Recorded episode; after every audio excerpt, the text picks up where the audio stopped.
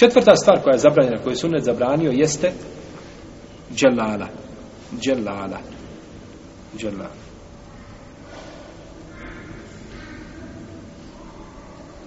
Dželala to je životinja koja se hrani sa nečistoćom. Ili većinski dio njene hrane biva nečistoća.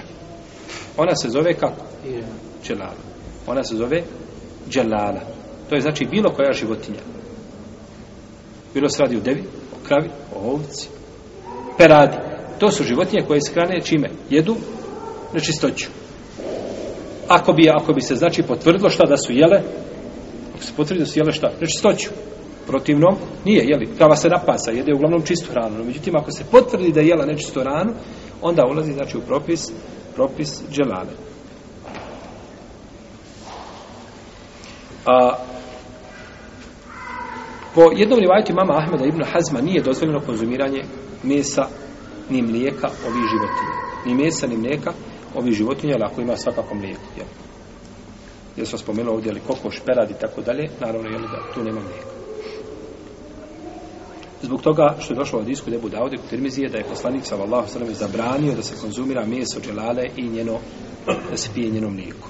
Da se pije njeno mlijeko. Tako je došlo u vjerodostanom hadisu od Ibn Omara dok šafije smatruju da je to mekruh, a da nije haram. I to je jedan rivajet od imama Ahmed. Kada će biti dozvoljeno jesti meso dželale? Kada će biti dozvoljeno konzumirati meso dželale? A, dželalu treba zatvoriti životinju koja se konzumirala nečistu hranu, treba je zatvoriti tri dana. Znači, ne zatvoriti u smislu da jeli, nego zatvoriti je da ne može doći do čega? Do nečistoće koju je konzumirala, koju je jela. Zatvoriti je tri dana i hraniti je čistom hranom.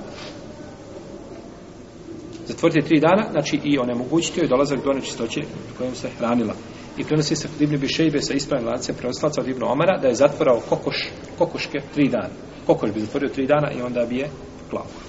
Od, Ibnu, a, a, od imama Ahmeda se prenosi isto tako da se zatvaraju tri dana i peradi iz stoka, a po drugom rivajetu da se ovaj perad zatvara tri dana, a stoka 40 dana. A stoka 40 dana. U svakom slučaju, znači treba je zatvoriti, da se očisti s tim što se ulema razilazi oko čega vremena zatvaranja, koje nije znači jasno precizirano jeli, ar, šerijetskim argumentima, zbog toga se i razilaze. Stoka 40 Molim? Stoka 40 E, stoka, velika stoka, četir, krupna stoka 40 dana, po jednom rivajetu imama Ahmeda, mojte to hadis. Znači, po jednom rivajetu imama Ahmeda, to je 40 dana.